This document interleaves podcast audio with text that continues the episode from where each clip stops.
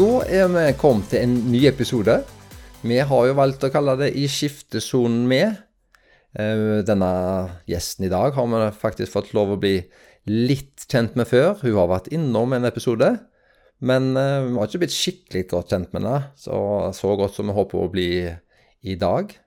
Og det er landslagsutøver Lotte Emilia Miller, som det står på Instagram-kontoen. Velkommen til Skiftesonen triatlonpodden, Lotte. Tusen takk. Digg å være tilbake igjen, ja. Alltid kjekt å komme på en podkast og snakke om meg sjøl. ja, du vil jo helst snakke mest om deg sjøl og minst mulig om uh, OL, sa du nettopp.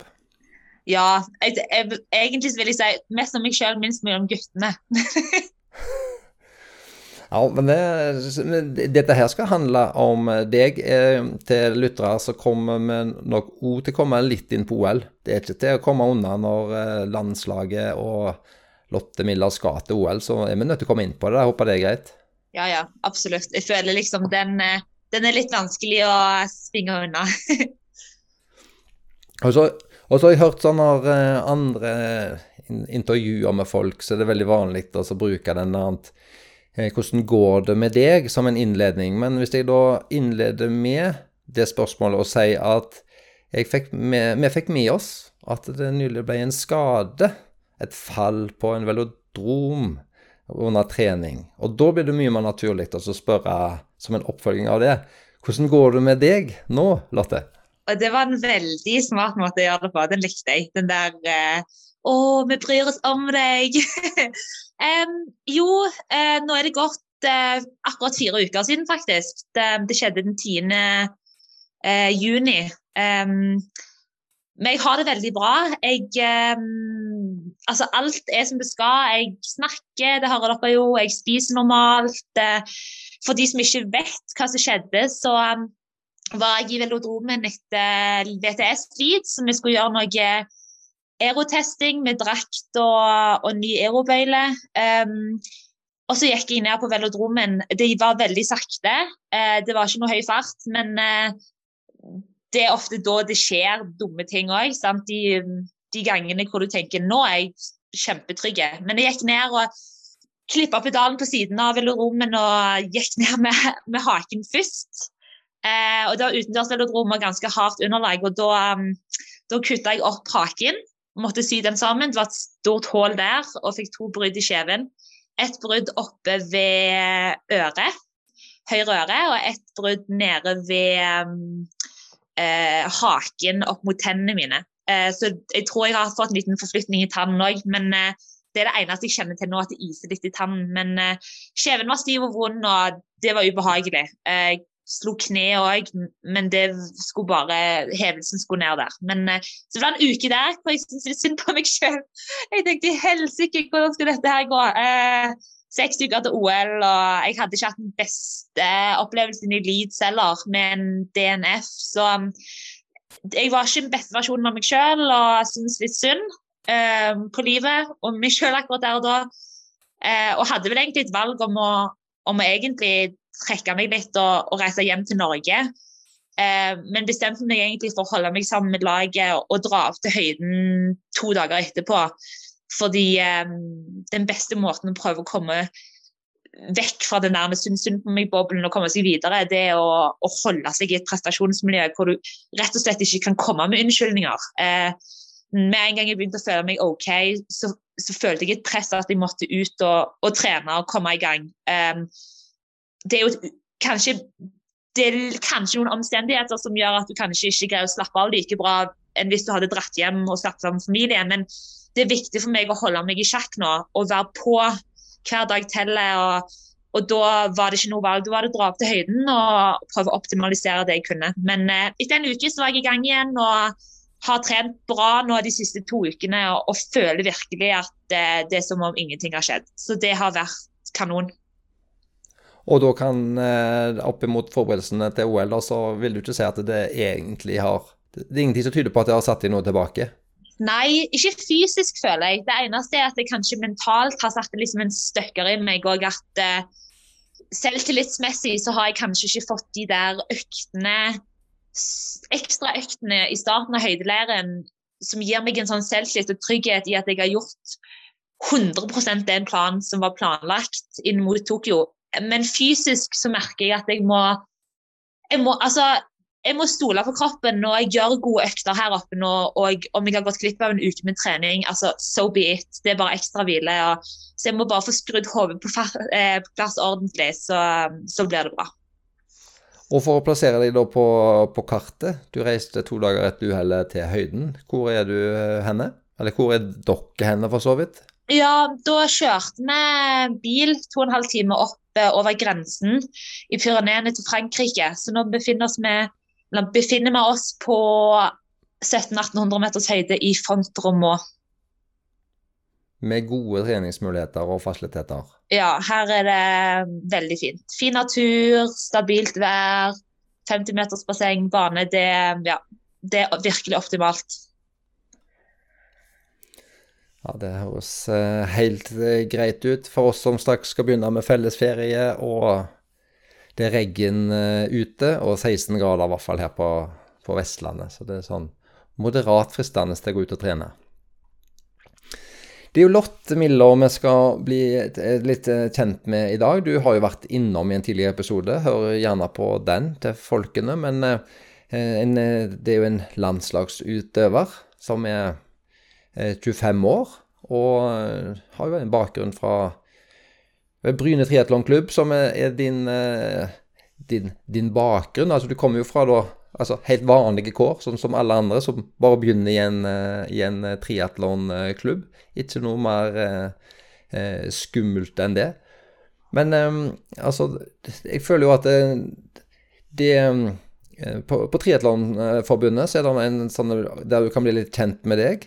Der, eh, det er ikke sikkert alle har vært inne og sett der, men der står det jo noe om hvorfor startet du med triatlon. Og det syns jeg er, er, veldig greit, for det er jo mange av oss som har kanskje nylig begynt å høre denne podkasten. Eh, hva var grunnen til at du begynte, Lotte? Åh, det var så mange tilfeldigheter. Og hvordan jeg endte opp med å sitte i en hytte på 1800 meters høyde, være en del av fire, en firemannsgruppe som skal til et OL. Det jeg, jeg, går tilbake til 2010, så er det bare masse små ting, masse tilfeldigheter som gjør at jeg får høre eh, på et svømmestevne eh, i Stavanger at de skal ha en samling eh, et par uker eh, fram i tid, her er vel oktober eller noe sånt, Eh, i Oslo for å prøve å lage et juniorlandslag, et ungdomslandslag. Eh, og tro det eller ei, jeg syns det var interessant. Jeg kunne sikkert ha sagt jeg vet ikke om jeg gidder den helgen, jeg har heller lyst til å sitte og chille med familien eller gå en ekstra gang i bassenget, men jeg valgte å hoppe på og være en del av den samlingen der. Og takk Gud for det, for det har endra livet mitt. Um, hadde jeg ikke vært der den dagen, så hadde jeg kanskje ikke visst hva triatlon var. Og da hadde jeg mest sannsynlig ikke vært uh, der jeg er nå som idrettsutøver. Jeg, hadde ikke, jeg tror ikke jeg hadde holdt på med idrett en dag i dag. Så det er Jeg er kjempetakknemlig for at jeg tok en sjanse. Uh, men det var egentlig um, via svømming, da. Jørgen Gundersen, som folk kjenner også, han var jo også Han kommer fra svømming. Eh, og faren Stein Gundersen eh, han var liksom, han skauta litt rundt i svømmemiljøet etter folk som var habile svømmere, men også som viste potensial på løp og hadde en interesse av å legge ned mye innsats i trening. Eh, og det var vel der jeg kom inn, da. Eh, og det var der Stein hadde bitt seg merke i eh, en, eh, en stavangersk jente som kanskje ville litt mer enn bare å svømme. Eh, så da ble jeg invitert inn. Og eh, et par år seinere, så ja. Men, men, hva var det som Dette her står jo på Triatlonforbundet. altså et spørsmål, Hva, hva var det som, eh, som trigga deg med triatlon? Jeg, jeg, har tenkt på det mange ganger. Det som dro meg inn i idretten først av alt, det var det at jeg var best veldig fort, veldig tidlig. Eh, jeg var klart tydelig den beste jenta når jeg stilte på samling. i, eh, i 2010. Um, og jeg likte den følelsen av å være bedre enn alle andre.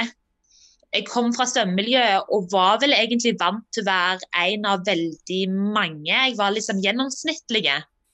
Um, og jeg kom jo også fra en familie jeg er med en søskenflokk på tre. Uh, jeg er en av uh, tre uh, trillinger. Altså alle samme alder og følte ikke nødvendigvis alltid at jeg ble sett og ble, liksom, var den beste, for jeg skulle alltid konkurrere. Så det å få liksom skinne litt, det betydde veldig mye for meg. Og folk så meg veldig fort med en gang. Trenere så meg. Eh, og de var veldig tydelige i kommunikasjonen at hvis du vil dette her, så kan du bli ekstremt god. Vi ser det. Og det, jeg, jeg, hørte vel egentlig dette fra dag én.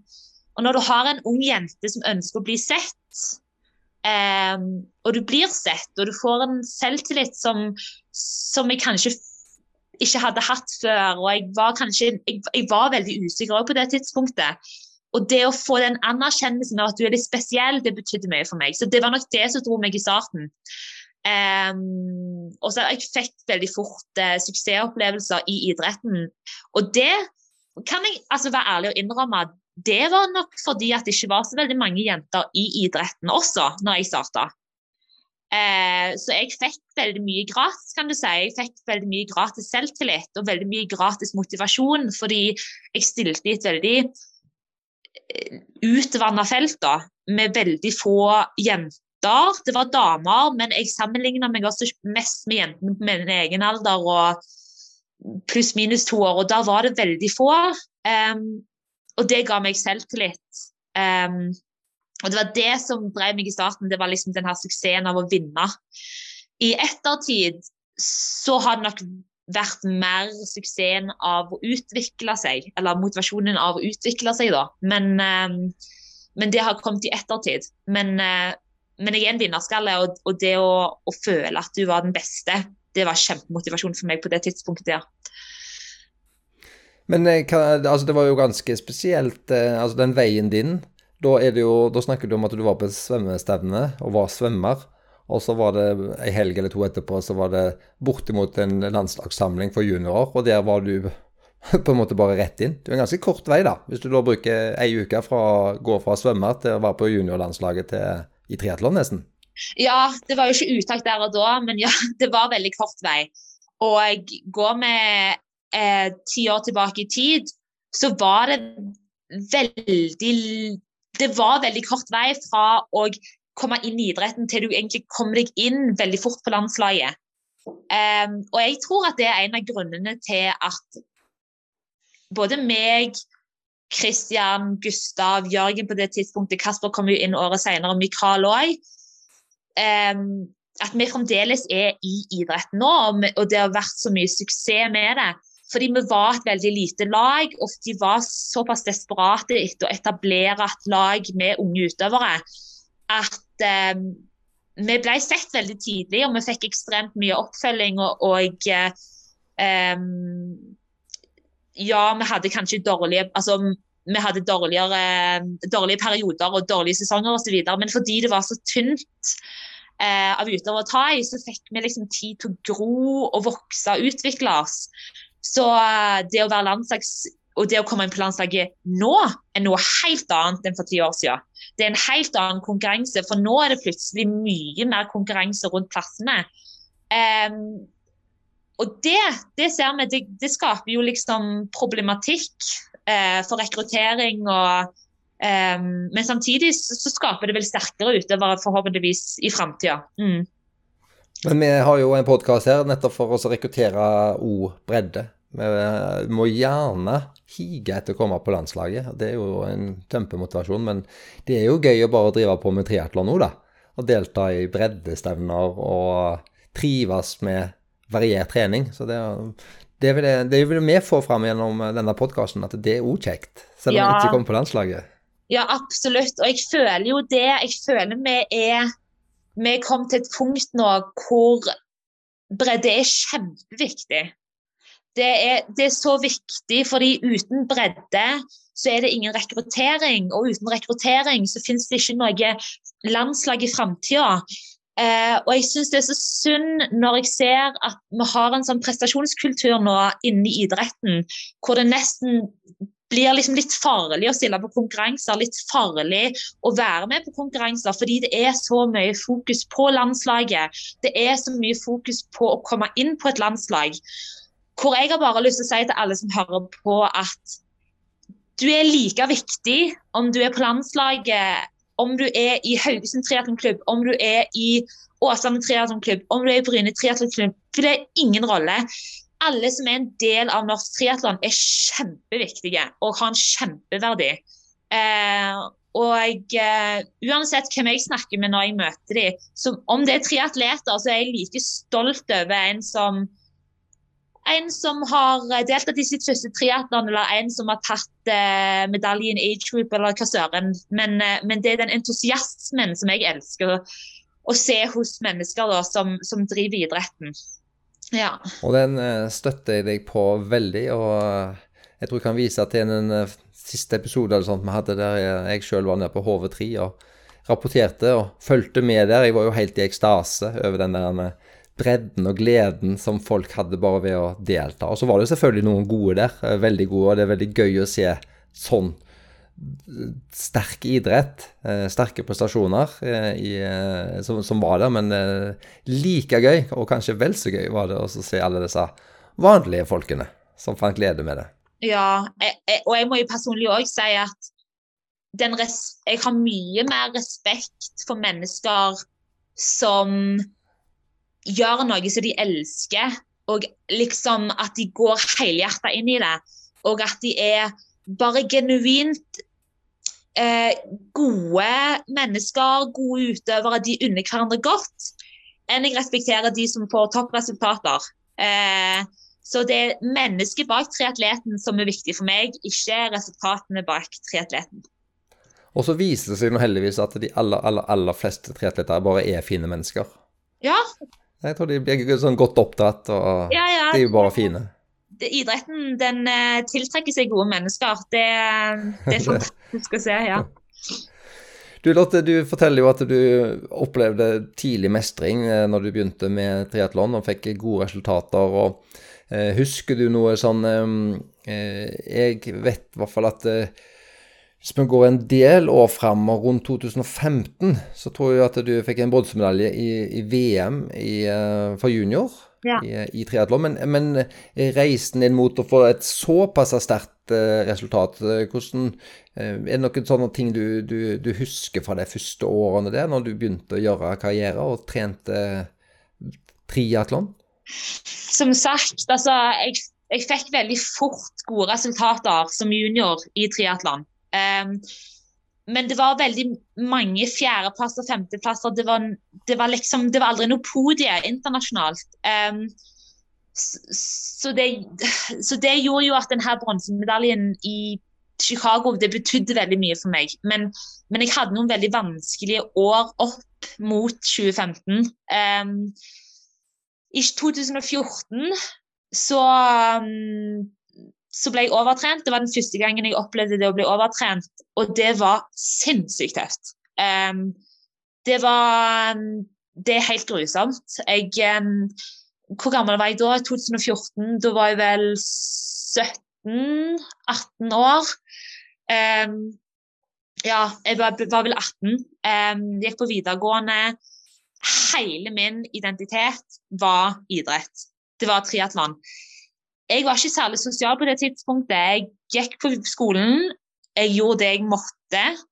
Eh, veldig viktig å få, egentlig, få på plass det der med at jeg var veldig ambisiøs på skolen, men idrett var førstepri, og det var allerede på videregående. Så allerede der hadde jeg tatt et valg om at jeg ville idrett 100 um, Men samtidig, du går på videregående, du trener mange timer, og så var det bare totalt veldig mye stress.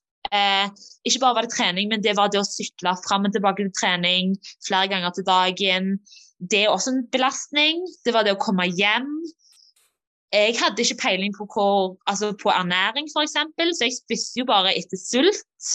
Jeg spiste ikke nødvendigvis etter det at jeg var en jente i utvikling, 18 år gammel, trente sinnssykt mange timer, hadde veldig mye stress på skolen. For jeg sov jo aldri midt på dagen heller. Jeg tror jeg trente like mye som det jeg gjør nå, med skole i tillegg. Eh, og jeg skjønner ikke hvordan jeg greide det. Selvfølgelig ser jeg nå at jeg kom til å treffe veggen. Um, men det var skikkelig, skikkelig tøft. Jeg mista hele livet mitt, følte jeg. Um, og jeg mista veldig mye selvtillit. Og måten jeg så på meg sjøl òg, det forsvant. Og det tror jeg, det synes jeg veldig, sånn, det er tabu å snakke om, men jeg syns det er så viktig å snakke om det òg. Det der selvbildet og hvordan du identifiserer deg sjøl. Hva er idretten for deg? Og idretten, ja, det var noe jeg identifiserte meg med. sånn um, personlig som en identitet, men det jeg også identifiserte meg med, det var det å se ut som en utøver. Og um, altså Hele meg var ute var måten jeg var på og måten jeg ser ut på osv. Og, og um, jeg ble veldig da jeg, Når jeg ikke da fikk trene, når jeg ikke da fikk være den Lotte som jeg vanligvis var, så ble jeg veldig misfornøyd med meg sjøl. Veldig ulykkelig. Og det var skikkelig vanskelig å og rett og slett bare være stolt over den jeg var som person. da. Og som 18 år gammel, å ha den perioden i livet i flere måneder hvor du egentlig ikke liker deg sjøl, du er ikke stolt over den du er, det var tøft. Og det var veldig tøft for familie å se det òg, for de kunne ikke hjelpe meg, fordi alt satt i mitt hode.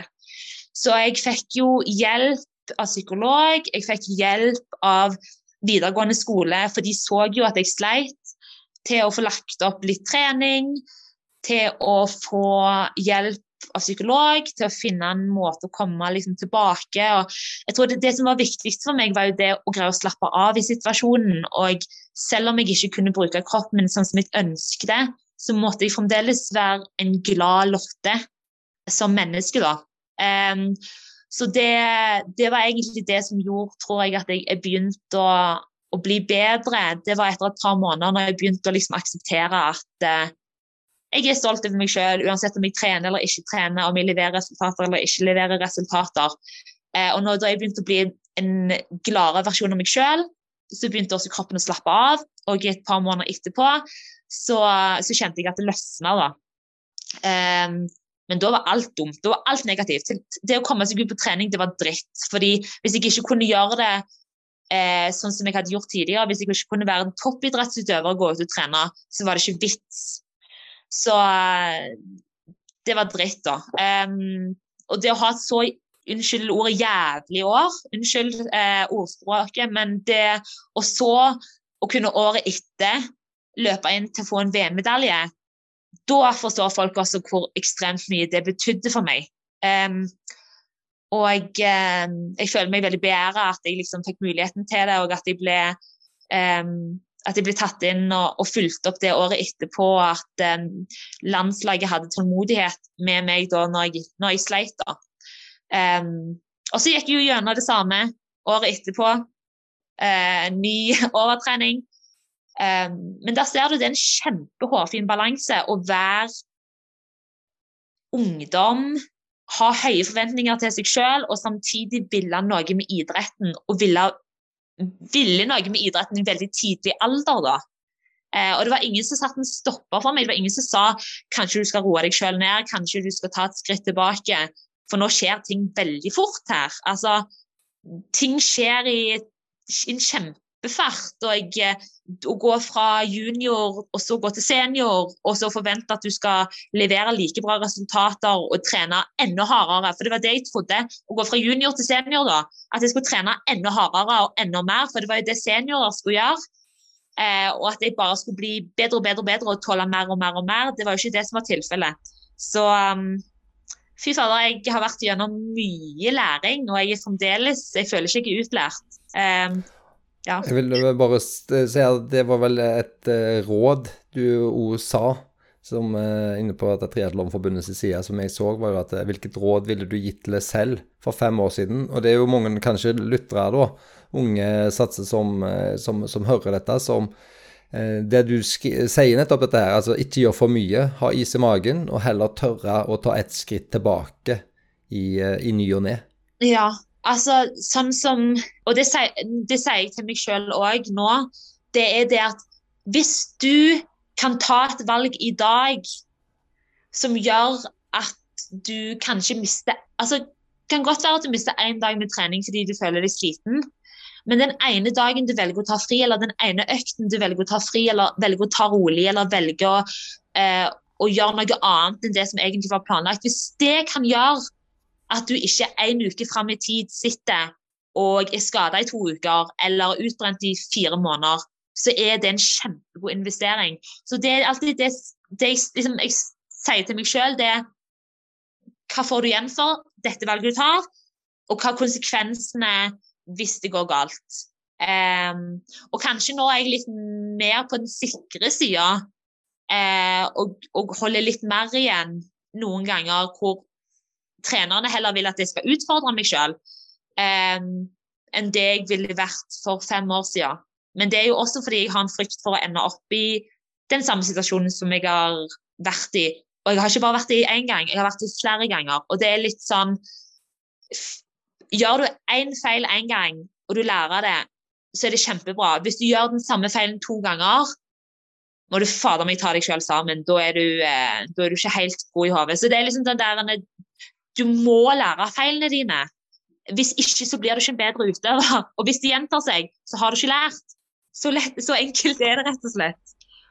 Men det, er jo en naturlig forskjell i toppidrettsutøveren som du er, da, og, og, en del av bredden. For det er lettere for oss andre å ta det rolige i økt, der som en toppidrettsutøver i noen grad må ta noen flere sjanser for å bli, for å bli best. Det er jo det vi, vi hører, at du må nok ta noen større sjanser og risiko for å bli f.eks. verdens beste. Ja, men jeg tror også at du må, du må spørre deg sjøl hvor er du i karrieren din akkurat nå? Er du en ung utøver eh, som er i en utviklingsfase, så vil jeg heller sagt ta den ene dagen litt ekstra rolig. Eh, for du har så mange sjanser foran deg. Det er ikke det som gjør at du presterer bra eller dårlig på de neste ti løpene i karrieren din? Er du en utøver sånn som som er liksom i denne peak-perioden din. altså Skal du inn i et mesterskap som du kanskje bare får et par ganger i livet ditt, og du vet at nå må jeg virkelig optimalisere, så kan du ta litt flere sjanser òg. For du vet at du har kun to sjanser til å virkelig levere på denne scenen. Si da et OL eller en Ironman som kanskje kommer altså Du har to konkurranser i år kanskje hvor du kjører den distansen. Da kan du kanskje ta litt mer sjanser. Um, men er du ung og lovende, ha litt mer is i magen og stol på deg sjøl. Jeg tror at det vil gi uttelling i lengden. Det er nok et godt poeng. Men du, eh, altså, du flytta jo eh, fra Vestlandet, og du bodde jo en periode i, eh, i, i Danmark. Hva var eh, grunnen til at du reiste den veien? Ja, det var, dette her var um, i 2016, når jeg ble overtrent igjen. Så var, da var jeg jo ferdig med videregående.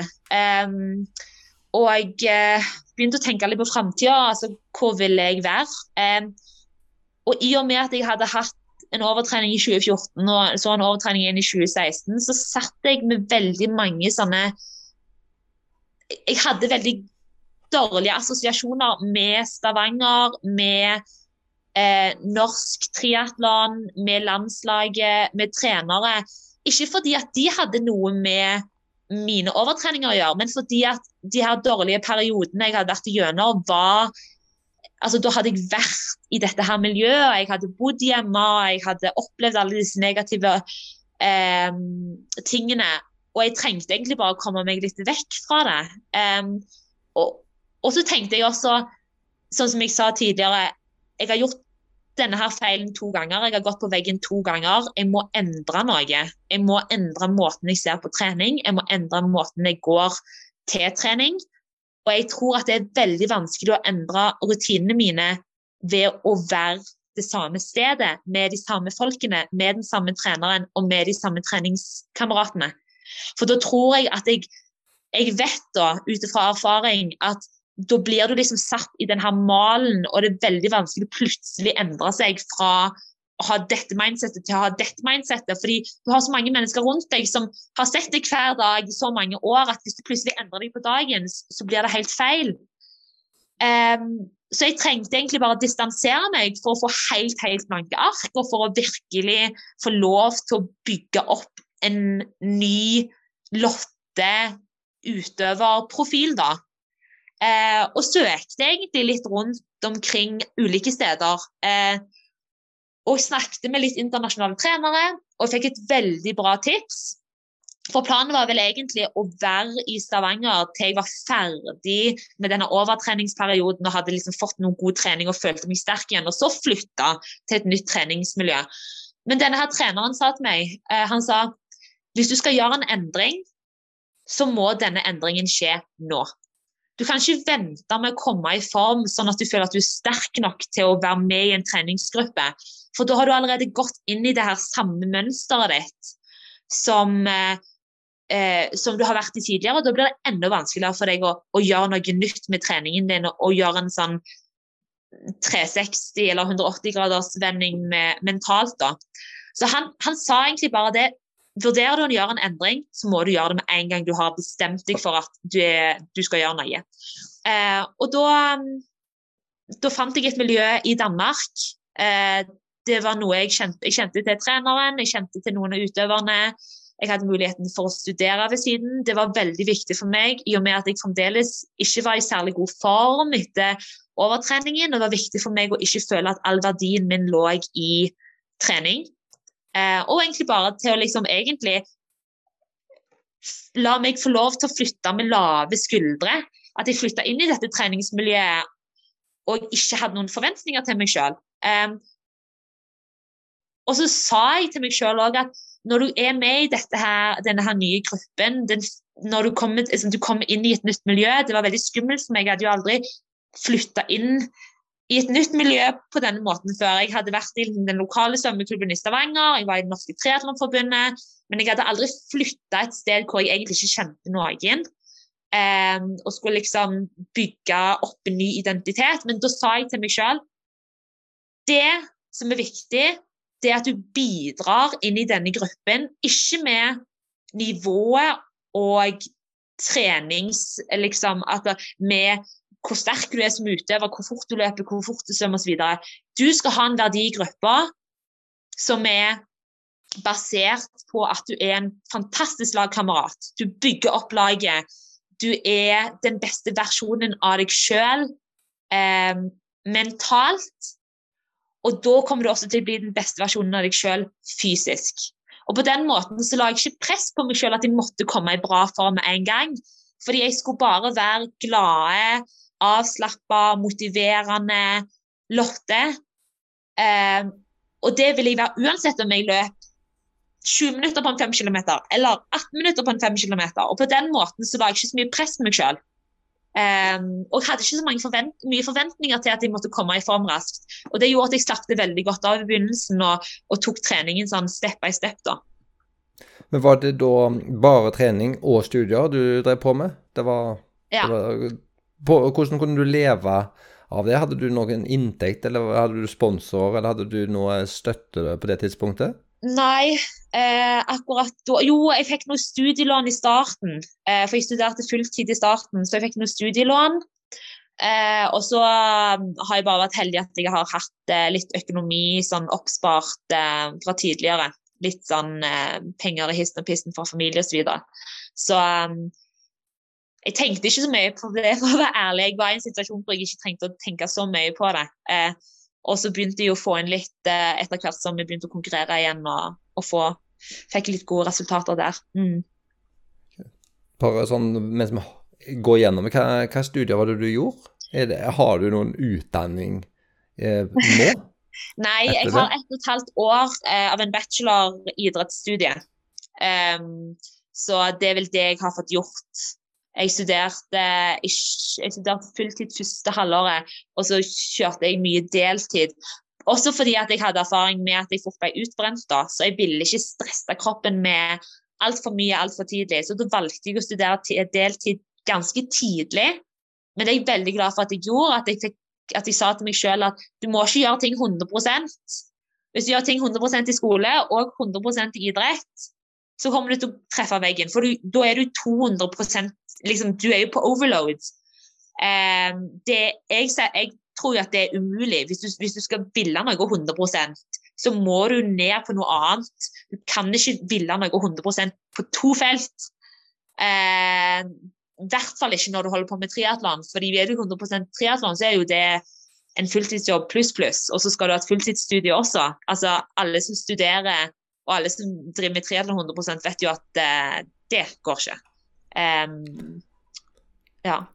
Men på, vi hørte jo at du, du, er en del av landslaget i dag, men da eh, har du vært innom Danmark, og det var du en stund. Og du, du hadde vel òg et hopp fra det danske treningsmiljøet der du var og hadde trener, så var du vel òg innom eh, et annet treningsmiljø før du havna skikkelig fullt inn og trene sammen med landslaget? Hva ja. historie var det bak det, og når var det? Jo, så um, da hadde jeg fire år i Danmark. Um, og det var en veldig fin opplevelse. Det var en kjempeprosess. Og det var jo på mange måter en OL-syklus. Jeg kom i 2016, og planen var at jeg skulle være med i OL i Tokyo i 2020. Uh, og allerede i 20, begynnelsen av 2020 så hadde jeg allerede sammen med treneren min da diskutert hva, hvor går veien videre. For jeg, jeg, er veldig innstilt på å kjøre ny syklus inn mot Paris. Men, eh, og, men, jeg tenkte, men jeg tenkte altså, kan jeg være fire år til i Danmark og ta skrittet videre som utøver? Det vet jeg ikke. Jeg tror jeg trenger noe nytt stimuli. Eh, og Det var også treneren min Kasper Geil veldig enig i. Så vi begynte å se litt inn i, i ulike miljøer som kunne ta meg steget videre inn mot Paris. Eh, og så vil det være en naturlig overgang å, å, skifte treningsmiljøer etter Tokyo.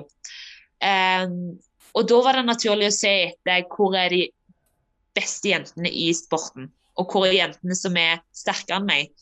For jeg hadde veldig lyst til å trene med jenter. Jeg, hadde, jeg, har vel egentlig aldri trent med jenter som har vært nivå over meg. Fordi i Danmark så var det egentlig dominerende av gutter der òg. Jeg hadde et par kvinnelige utøvere, men de var ikke noen som utfordra meg, de var mer sparringspartnere. Um, så jeg ville gjerne teste det ut og se hva kan jeg få ut av meg sjøl hvis jeg omringer meg sjøl med konkurrentene mine. da. Greier jeg det? Um, ut ifra erfaring så har jeg hatt litt problemer med å trene med jenter som utfordrer meg.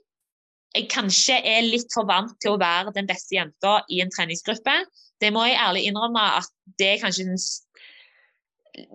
dårlige siden med meg at jeg er ekstremt konkurranseinnstilt. Og jeg har hatt vanskeligheter med liksom å, øh, å samarbeide med jenter som, som, utfordrer meg og er bedre enn meg, og der jeg må tåle å innrømme at jeg ikke er best. Men jeg tror det at jeg er så bevisst på det nå, er en kjempefordel. fordi du kan ikke bli den beste versjonen av deg sjøl hvis du ikke aksepterer de dårlige sidene av deg og prøver å gjøre det beste ut av det. Jeg, jeg, tror ikke at du blir, en, du blir en bedre utøver av å holde deg unna de sidene som du syns er ubehagelige, og holde deg unna konkurrentene dine. Eller du må prøve det. Og hvis det ikke funker, så har du prøvd det. Men du må utforske den siden av deg, hvis ikke så vet du ikke. Så uh, jeg hoppet inn i en diskusjon med Joel Filio. Filiol, ja. Um, og jeg visste vel egentlig at han hadde vært interessert i å liksom begynne en dialog, fordi jeg har vært mye ute på konkurranser og reist rundt. Og han hadde vært veldig hyggelig mot meg og spurt meg hvordan jeg hadde det. Og vi fikk en veldig god og løs tone. Eh, så jeg skrev til han og, og fortalte situasjonen min og sa kunne det være interessant å eventuelt diskutere veien videre etter Tokyo.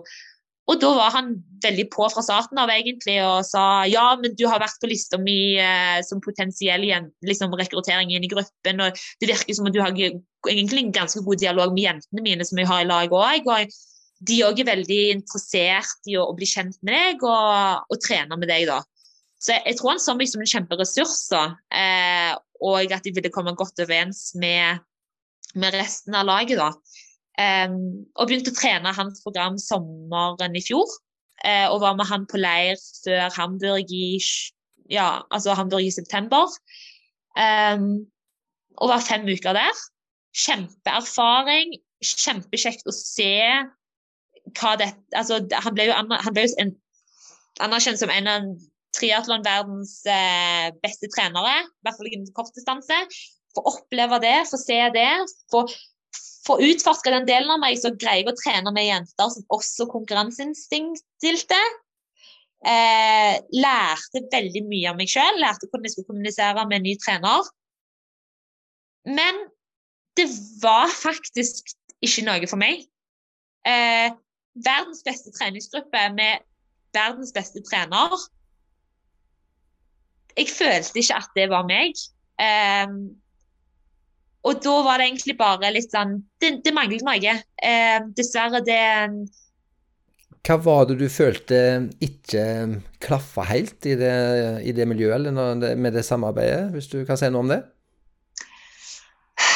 Godt spørsmål. Um, jeg tror at det var en annen gruppedynamikk enn det jeg var vant med. Um, landslaget det norske trelandslandslaget når jeg var hjemme i Norge som junior, det var veldig sammensveist og kommunikasjon mellom trenere veldig personlig.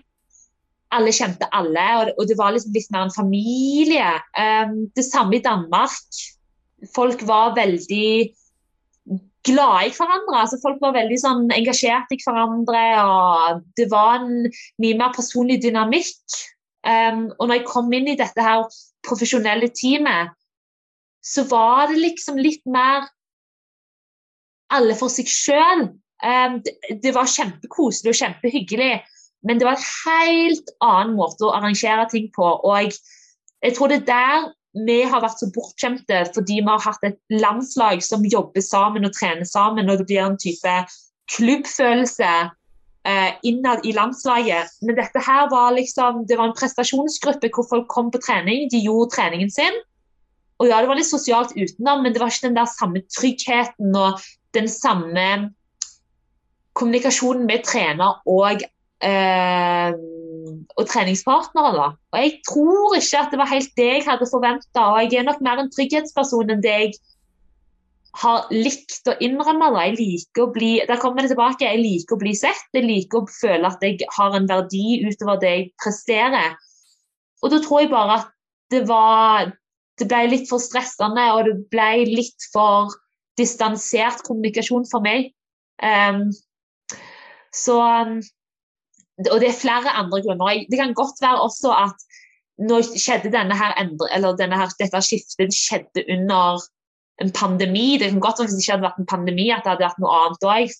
At man hadde det hadde følt, føltes litt mer tryggere, men, men, det var nok bare det føltes bare feil ut. Og det, det, har jeg også en erfaring i at kjennes det ut som at du ikke hører til, at du ikke føler at det er rett, og du er en, føl og du er en person som veldig mange ganger har en suksessopplevelse med å gå etter magefølelsen din, og ofte ikke har suksess med å bare gå etter det folk sier at du skal gjøre, eller det som kanskje er en selvfølge at du skal gjøre, så, så, gå, så gå etter magefølelsen din. Gå etter det som der du føler at du er trygg. Og jeg vet at når jeg føler meg trygg, når jeg føler at, at jeg er i et miljø hvor jeg bare kan tenke på svøm, sykkel, løp, og ikke trenger å overtenke så mye annet, så trener jeg bedre, og da presterer jeg bedre. Um, så ekstremt glad og takknemlig for at jeg lov til å være en del av det miljøet. Jeg måtte snu den steinen for å vite at jeg har gjort alt, så, eller prøvd ut alt for å bli den beste. Um, jeg sjekka den boksen. Glad for at jeg gjorde det. Fikk en god erfaring. Fikk noen kjempegode relasjoner med andre utøvere, som jeg er kjempeglad for. Um, men er evig takknemlig for at uh, jeg er tilbake på, på landslaget igjen. da. Det, men du har jo hatt eh, masse gode resultater eh, oppover. Vi har ikke kommet inn på alle de, men vi skal ikke gjøre det heller. Men jeg ser jo at du har jo mange ganger norsk mester, og de siste årene vel i Danmark, og vel i overgangen til han Joe Filio, så hadde du sjetteplass i World Triathlon Series. Det er jo øverste verdensserien i Abu Dhabi 2019. Sjetteplass. Åttendeplass VTS i Bermuda i 2019 niendeplass i VM i Hamburg 2020. Så det, det, er, jo, altså, det er, jo, i sterke felt, så du, du er jo helt oppi der. Du, det er jo ikke mye fra altså, Jeg skulle til å si det er ikke mye fra verdenstoppen. Altså, det er jo i verdenstoppen, men det er ikke langt ifra det ikke store spranget før en er helt der oppe. Og så eh, var det vel òg den Du bidrar vel òg i det laget da, da, Var du da begynt å trene med landslaget, forresten, under VM i Hamburg i 2020, når dere gjorde den miksstafetten i VM og fikk en fjerdeplass der? Den første miksstafetten? Nei, det var jeg fremdeles med Joel. Jeg, jeg, ikke, jeg begynte ikke å trene liksom, landslag, eller begynte ikke å trene det norske programmet før i november. Så da hadde jeg akkurat kommet ned fra sammen med Joel eh, og var en del av det teamet, da. Mm. Ja, og så, så, var du sammen med sammen med konkurrerte med landslaget, og så ble det da ja. en gradvis innfasing til å, å følge landslaget og samlinga der. Det var sånn det var. Ja. ja. Mm. Og da har vi jo fått den historien. Da er vi, ja. da er vi jo på en måte plutselig i, i nåtid. Eh, og da um, blir det jo um, helt naturlig å spørre eh, Du har jo indirekte sagt det, men hvordan er det nå å være med landslaget? Det har jo vært et, eh, et tett program i år. Dere har jo vært veldig mye på treningsleir. De, noen har vel Du har vel kanskje vært egentlig siden januar du var på tur, eller har du vært i Norge i det hele tatt? Nei, eh, jeg dro 18. januar eh, og har ikke kommet hjem siden. Eh, så dette har vært den lengste leiren min eh, per dags dato. Et halvt år på leir. Og da har du levd med, med landslaget og, og, og støtteapparat og utøverne der mer eller mindre eh, konstant. og du er nødt til å svare at det må være krevende, men det er sikkert kjekt ord. Jeg spør deg, hvordan har det, hvordan har det vært? Uh, det har vært eh, kanskje de mest intense fem månedene, seks månedene jeg noen gang har hatt. Intenst fordi at jeg har så sykt mange nye inntrykk, så sykt mange nye stimuli. Um, jeg har blitt utfordra på sykt mange områder.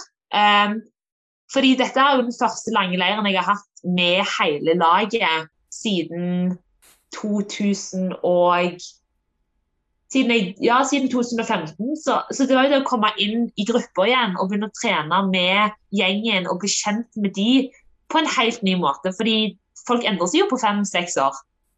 Um, så, så, det å finne plass, sin plass i gruppen da, og lære å kjenne nye utøvere Eh, og trene sammen med de, og trene opp et program, samarbeide med nye trenere. Eh, det tar tid å falle til ro i det. Jeg har fremdeles ikke helt falt til ro i det. Um, men det er en kjempeprosess, og jeg lærer så mye nytt. Um, sånn at det har vært noen skikkelig lærerike, utfordrende, frustrerende måneder. Men det, og det har vært totalt utenfor komfortsonen min, men det er også utenfor komfortsonen at magiske ting skjer. Det har jeg sagt til meg sjøl hver dag. men er det treningsfilosofi, eller er det det å forholde seg til andre mennesker som har vært uh, mest uh, i endring, eller mest annerledes? Begge deler. Uh, men også uh, mye i forhold til meg sjøl. Å lære å stole på meg sjøl på en litt annen måte. Um, treningsfilosofi det vet vi jo er veldig annerledes i Norge versus andre land. Og jeg har virkelig blitt utfordra på noen økter hvor jeg tenker dette her kan jeg ikke gjøre. Dette her er en for tøff økt, dette er en for lang økt for meg. Jeg har aldri gjort dette her før. Hvor jeg har en trener som sier til meg dette kan du. Må ikke du eh, tro at du er svakere enn det du er. Um, og hvor det også er treningskamerater rundt meg som bare forventer at eh, skal du være på dette laget, så må du gjøre dette her. Eh, så, så, det er liksom relasjoner mellom trenere som utfordrer meg, eh, hvor jeg ikke stoler på meg sjøl, hvor det er en kultur i gruppen som sier dette her er det du må gjøre hvis du skal være en del av dette laget. her. Um, så um, begge deler, vil jeg si. Um, men ja. Det har uh, vært interessant. Men det at den der dynamikken med nå at det er jo en helt annen kjønnsbalanse Altså, du var jo en av de, damene, jentene, som var tidlig god, og da var det jo Og du har jo stort sett trent med, med gutter, men eh, nå er det jo blitt et, et jentemiljø, eller en jenteavdeling. Altså som i landslaget. Det er jo ett landslag, men uh, den, den, dynamikken der med at det både er, er, jenter og gutter, hvordan har det vært med både for, for miljøet og for uh, den fysiske treningen? Det har vært uh, kjempebra. det har altså det har vært kjempekjekt. Og, og, det som har vært kjekt, har jo vært at denne her gruppen, denne her jentegruppa, den starta jo også når jeg kom inn på landslaget. Så er jo med i denne prosessen fra dag én. Eh, fordi Stine var mye med guttene i fjor. Så har vi Solveig, som var ute i fjor med, med kyssesyken og begynte å komme i gang med trening igjen i fjor sommer, begynnelsen av høst. Så hun er jo også ny. Hun kom inn eh, i januar. da.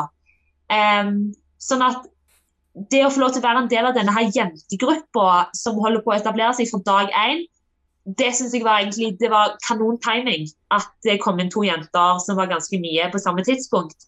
For da fikk vi liksom Ingen hadde noen relasjoner til hverandre fra før av. Ingen hadde noen forventninger til hverandre fra før av. Um, og det tok tid. å liksom det, det som var veldig tydelig i starten, da, var at guttene de har funnet ut av hvordan de skal jobbe sammen. De er et tettpakka lag. Eh, og så har det ofte vært en følelse av at har vært guttene har vært et tettpakka lag, og så har jenten Derfor det har som regel bare vært én jente til stede. Eh, følt seg liksom ja, del av laget, men samtidig ikke fordi du er en jente og du trener for deg selv og du har andre liksom, ting som du skal fokusere på. Eh, så det der å få lov til å begynne å etablere et eget lag eh, og begynne å finne ut av hvordan skal vi jobbe sammen, var veldig interessant i starten. Eh, jeg tror guttene òg syns det var De har nok syntes også det har vært litt utfordrende, fordi det har vært utfordrende kanskje å se at OK, nå, nå, nå er det et annet lag som holder på å etablere seg, og, og som vi ikke får være en del av på samme måte. Um, så jeg tror nok de har måttet også synes det, det har vært litt sånn spesielt å se at um, innad i et lag så har vi to lag, da. Um, men det var veldig utfordrende i starten, for vi skulle finne ut av hvordan, hvordan skal vi trene sammen. For, vi har litt ulike, altså vi har forskjellige sånn, svakheter og styrker. Mer enn det egentlig guttene har. Um, de, de, er nok, guttene er nok litt mer jevnere på svøm, uh, sykkelløp.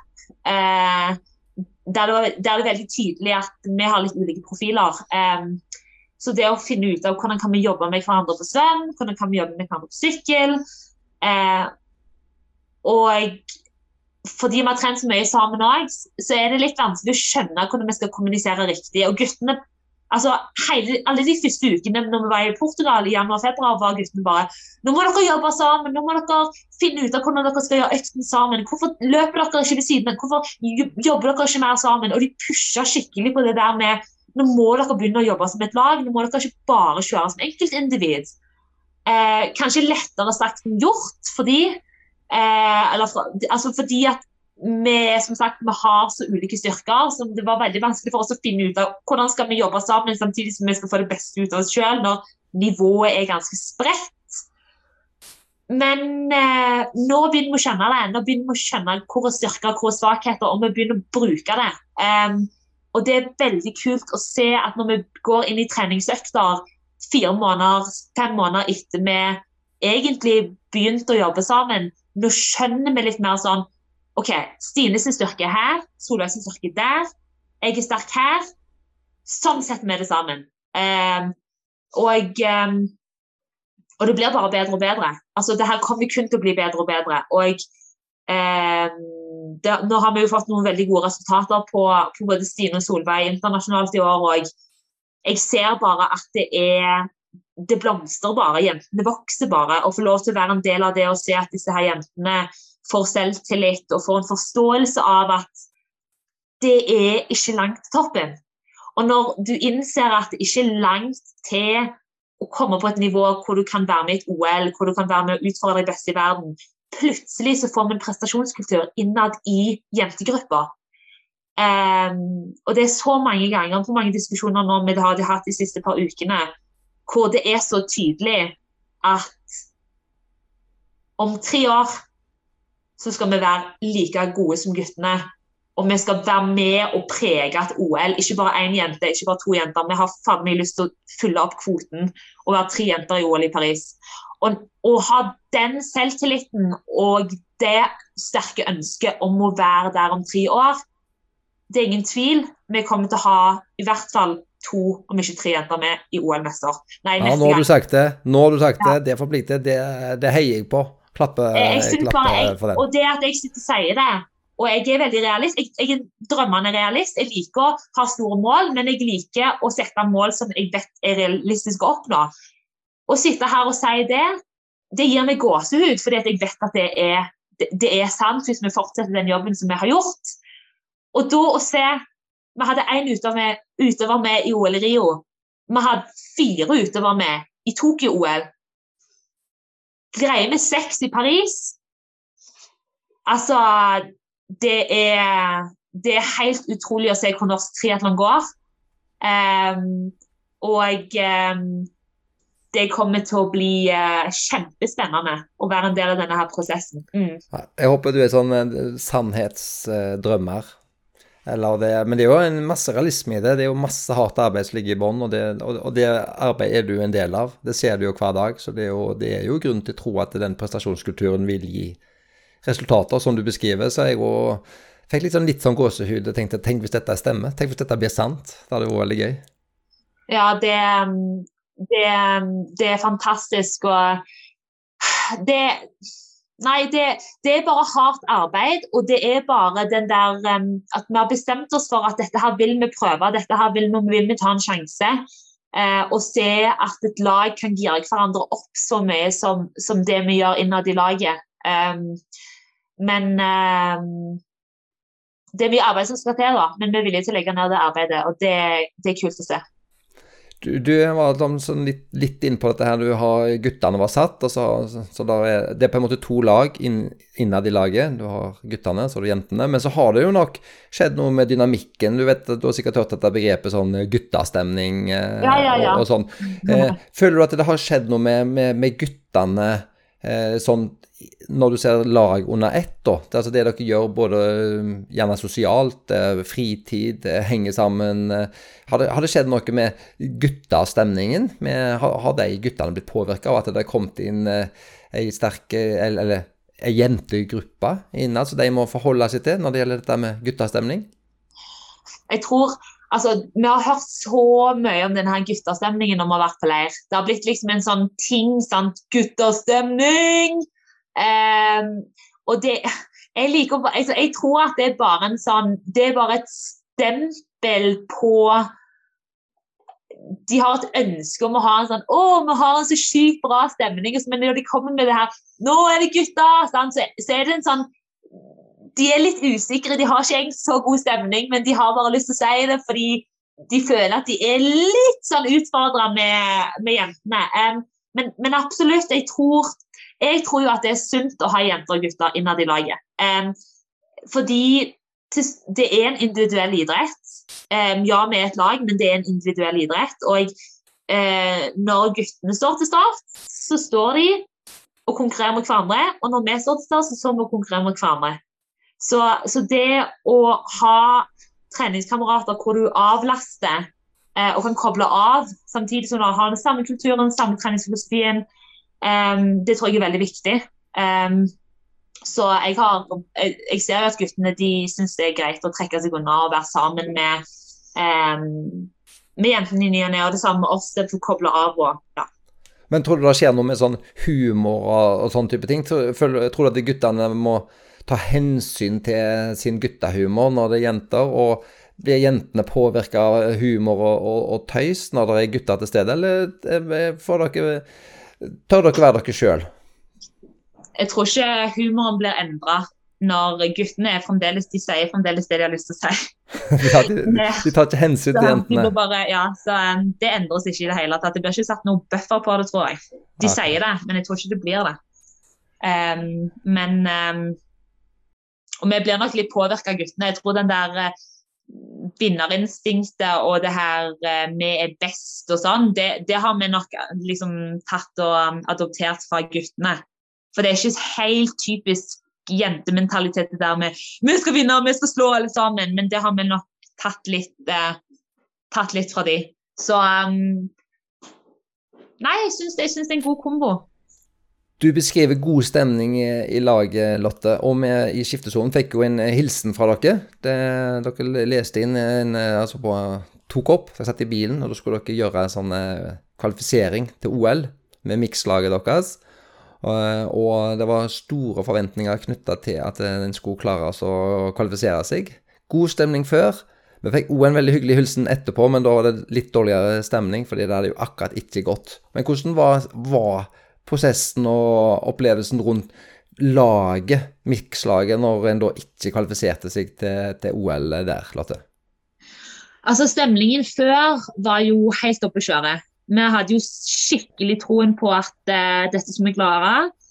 Vi skulle kvalle et lag til OL, og vi skulle få med en andre dame.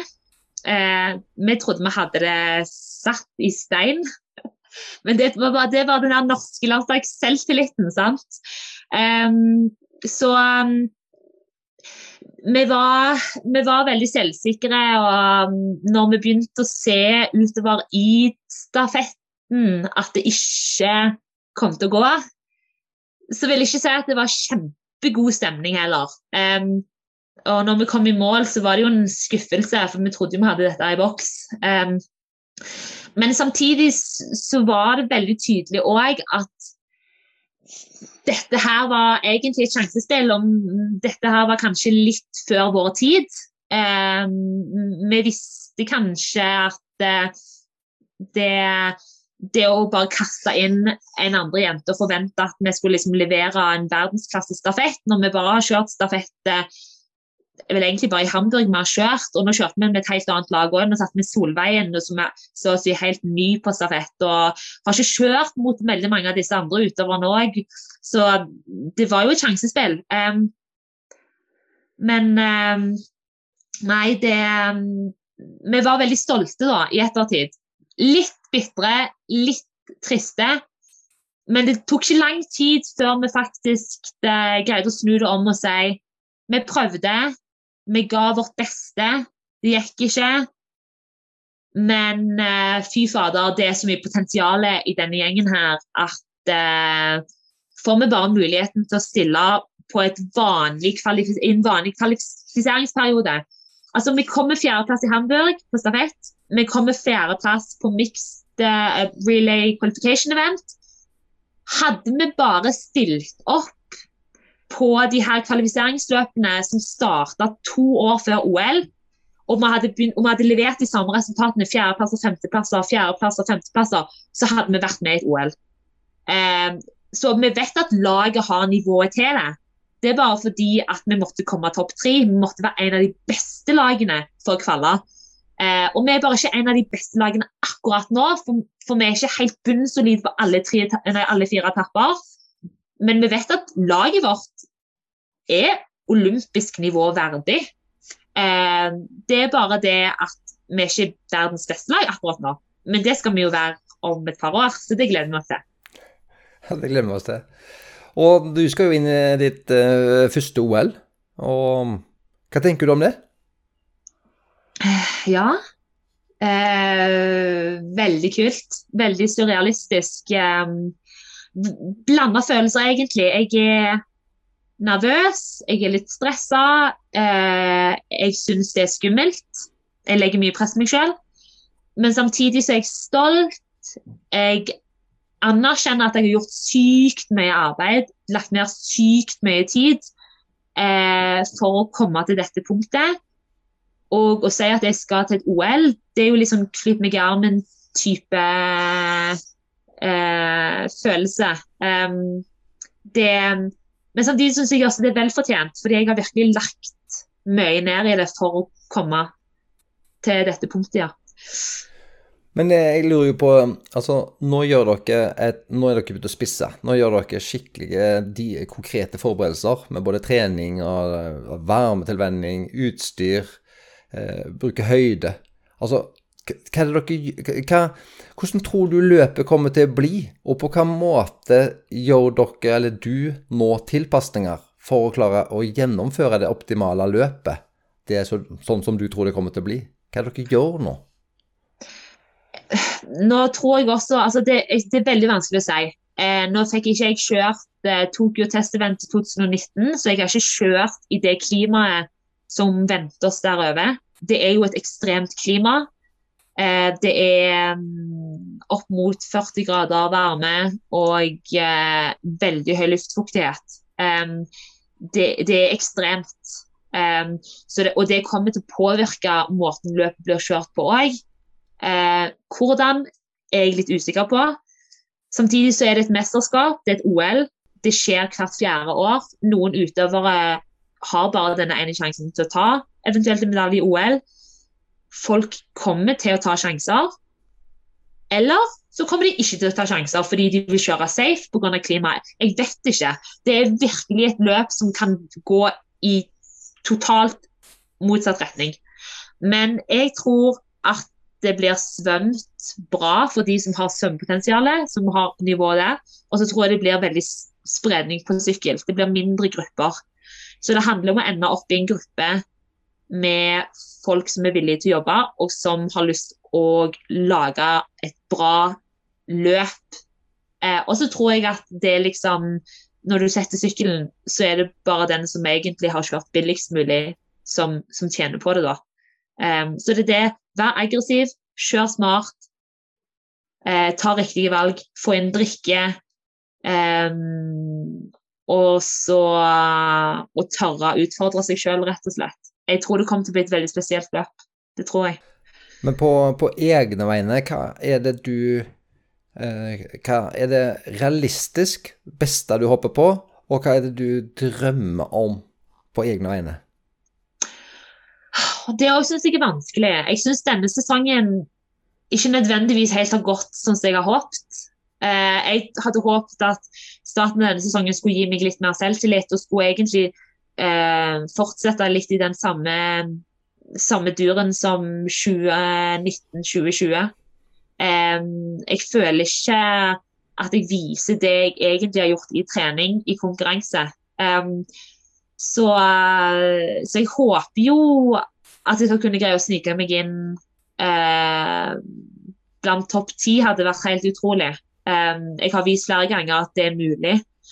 Um, og så, så, har jeg vel egentlig sagt at uansett så det viktigste for meg er at jeg får, får, gjort et løp som jeg er stolt over. Og at jeg får, uh, får ut det jeg vet jeg er god for på dagen. da. Og jeg har vel egentlig sagt får gjort mitt livs beste løp i OL så vet jeg i hvert fall at jeg har, uh, har, gjort et veldig solid løp. Og da kan jeg kanskje ikke altså Det blir det resultatet det blir, og da har jeg mer kontroll over meg sjøl. Um, og så at jeg bare skal være fornøyd hvis jeg har greid å, å gjøre et løp som jeg er stolt over. Ja, men, uh, men jeg har vel sagt at uh, kommer jeg inn i topp ti, så er det kjempebra. Og hvis vi nå, når du nå er, har vært på roadtrip med landslaget siden januar, og kjenner de andre deltakerne fra det norske landslaget Hvis vi nå skal få noen inside-tips, eh, stalltips, før vi skal sette penger på oddsen, hvordan går det med de norske guttene? Vi har akkurat hatt eh, media, mediatalk med Olympiatoppen hvor de sier ikke være med på noe inside eh, trading, eh, betting-greier. Det er no go. Uh, men jeg tror dette her skal gå, gå fint. de har vel gått ut ganske klart og tydelig med, med hva de har som målsetning. De, de, har jo veldig høye målsettinger, alle sammen. Alle har lyst til å vinne. men vi vet jo også at det er kun én som kan stå på toppen av podiet. jeg håper jo selvfølgelig at at vi har en av disse guttene her som får eh, drømmen sin oppfylt, og som står helt øverst på podiet i Tokyo. Hvem det er, er veldig usikkert. Eh, nå, nå, nå, ser jeg det på trening, men jeg trener jo ikke sammen med dem på intervaller osv. Så, videre, så eh, jeg er ikke helt up to date der. Men eh, jeg unner virkelig guttene eh, å, få sine livs beste løp eh, under OL. Um, Og jeg unner de at de skal ha det kjekt òg når de gjør det. At de skal få lov til å ha det litt kjekt der ute og, og spille på hverandre. Og, og, utnytte det at de er et lag og spiller hverandre gode.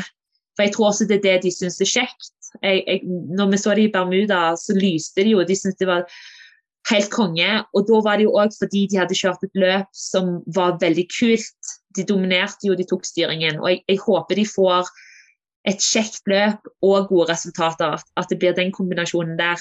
Um, og, og, blir det en drømmedag, så blir det en 1, 2, 3.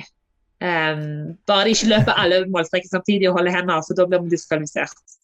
Um, men, men, vi får se hva det blir på dagen. Men, men alle er kjempesterke, og, og, alle kan være med og, og kjempe om denne førsteplassen. Og det, det, er veldig kjekt å se. Det har du helt rett i. Da, da vil ikke du utrope noen kandidater som er, som er litt sterkere enn de andre, altså, i, i den anledningen, som, som tror, du altså, ser treningen nå? Altså, I et OL så kan alt skje. altså Per dags dato så er det jo Kristian har hatt en flyvende sesongstart. Han har jo eh, tatt flere seire. Så han er jo den mest rutinerte akkurat per dags dato. Men eh, jeg tør ikke si noe. Det blir bare dårlig stemning i gruppa hvis jeg går ut og sier at det er en favoritt. Eh, de kan heller eh, mm, nominere seg selv eller nominere noen andre hvis de har noen innspill. Hva er det siste, de siste ukene nå mot eh, Tokyo? Altså denne her eh, episoden med, med, deg. altså Det er jo egentlig for vi skulle bli kjent med deg, men eh, jeg håper at mange hører den før, før OL. Hva gjør dere ca. de to siste ukene? Når reiser dere ned? Og hva er opplegget de siste ukene nå? Nå er vi inne i siste uke av høydeleir, vi er i dag er det den Hva datoen er i dag? 8. juli er det nå. 8. juli, ja. Vi drar den 12. Så det er et par dager igjen. Men vi er godt inne i varmeakklimatisering, så vi er i varmerom eh, så å si hver dag. Eh, vi har begynt å snu døgnet. Det gjorde vi for tre dager siden, så vi begynner å snu om til japansk tid. Og så eh, har vi gjort varmen og tidsakklimatiseringen til vi tar av sted mandag neste uke, den 12. Eh, og da lander vi i Japan. Og så har vi en pre-camp der utenfor Tokyo. Eh, hvor, altså i Miyazaki, eh, hvor vi skal trene, preppe. Eh, og da har vi forhåpentligvis gjort eh, varmen sånn at vi ikke får så mye varmestøyt når vi kommer ned. Vi bruker ikke så mye tid på å akklimatisere oss. Vi bruker ikke mye tid på å eh, komme inn i tidssonen, sånn at vi kan komme inn i bra treningsrutiner fort. Eh, få gjort de her eh, siste øktene inn, få spissa på detaljer, skifting, overganger. Bli vant til varmen og klimaet, bli vant til ernæring. Eh, få selvtillit, bygge litt sånn team spirit og så drar vi inn til Tokyo den Jeg er litt usikker på, men et par dager før vi skal ut og kjøre løp. Um, og da blir det jo hele OL experience. Olympic Village, det, um, media um, Alt det der. Uh, og så er det showtime den 26. og 27. juli. Da er det showtime. Og, men i praksis, når dere nå skal snu døgnet til japansk tid, hva gjør dere i praksis nå da, under oppholdet? Da er det så enkelt at vi går i seng tidligere og står opp tidligere. Eh, og det gjør vi vel egentlig ved at vi gradvis eh, tar og chipper av eh, tidligere sengetider og tidligere vekketider. Eh, Men for oss som har småbarnsforeldre, for eksempel, nei, som er småbarnsforeldre, så klokka seks om morgenen er jo ikke tidlig for oss. Men er det sånn at dere Er det enda mer eh, dere må snu? Er det sånn ja, ja, ja. midt på natten? Vi, vi står ned til klokka tre, så vi står vel opp klokka tre. Det er, det er vel det tidligste vi står opp. Så i seng klokka syv og klokka tre. ja, så det er, det, det er, merkbart i forhold til den normale, den normale gangen, altså. Ja, ja, ja. Eh, men det hjelper når hele hytta gjør det samme, så hjelper det. Det er liksom, Du er en familie som snur om tiden sin, og alle rutiner går jo å trene tidligere spise tidligere. Så det går veldig fint. De første dagene tar det jo litt tid for kroppen å bli vent til. Men eh, det er brutal overgang, men så jevner det seg til. Ja.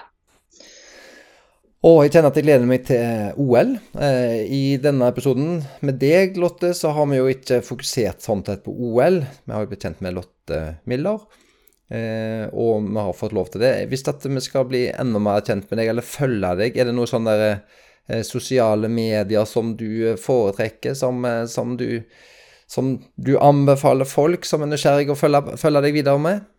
Ja, enten så er det via Facebook. Det er ikke så mye oppdateringer, men litt. Og så lever jeg livet mitt via Instagram, som alle andre eh, idrettsutøvere. Så der er det egentlig litt mer eh, aktuelle ting. Så følg med via Instagram, så får dere se litt mer av min hverdag og hva jeg driver med. Og da er det bare til å søke på Lotte Miller? Ja. L8 som Lotte Miller et åttetall eh, inni der, ja. altså. Ja, for da har vi jo um, bedre, enda bedre sjanse å, å, bli kjent med deg. Vi er i ferd med å gå inn for landing. Er det noe du tenker at um, du ville Jeg har lyst til å si å fortelle Norge om, men jeg må i hvert fall skalere det ned til Triatlon-Norge. For vi, vi, er nok ikke der at Norge nødvendigvis hører på podkasten. Men etter dere begynner å gjøre gode resultater i OL, så kanskje flere kommer inn da. Men Triatlon Norge, Lotte, er det noe du vil uh, si til slutt? Mm, om det er noe jeg vil si på sparket? ja Jo, jeg vil si eh, tusen takk til alle som følger med. Tusen takk til alle som eh, bidrar eh, på en eller annen måte. Eh, med et lite lag.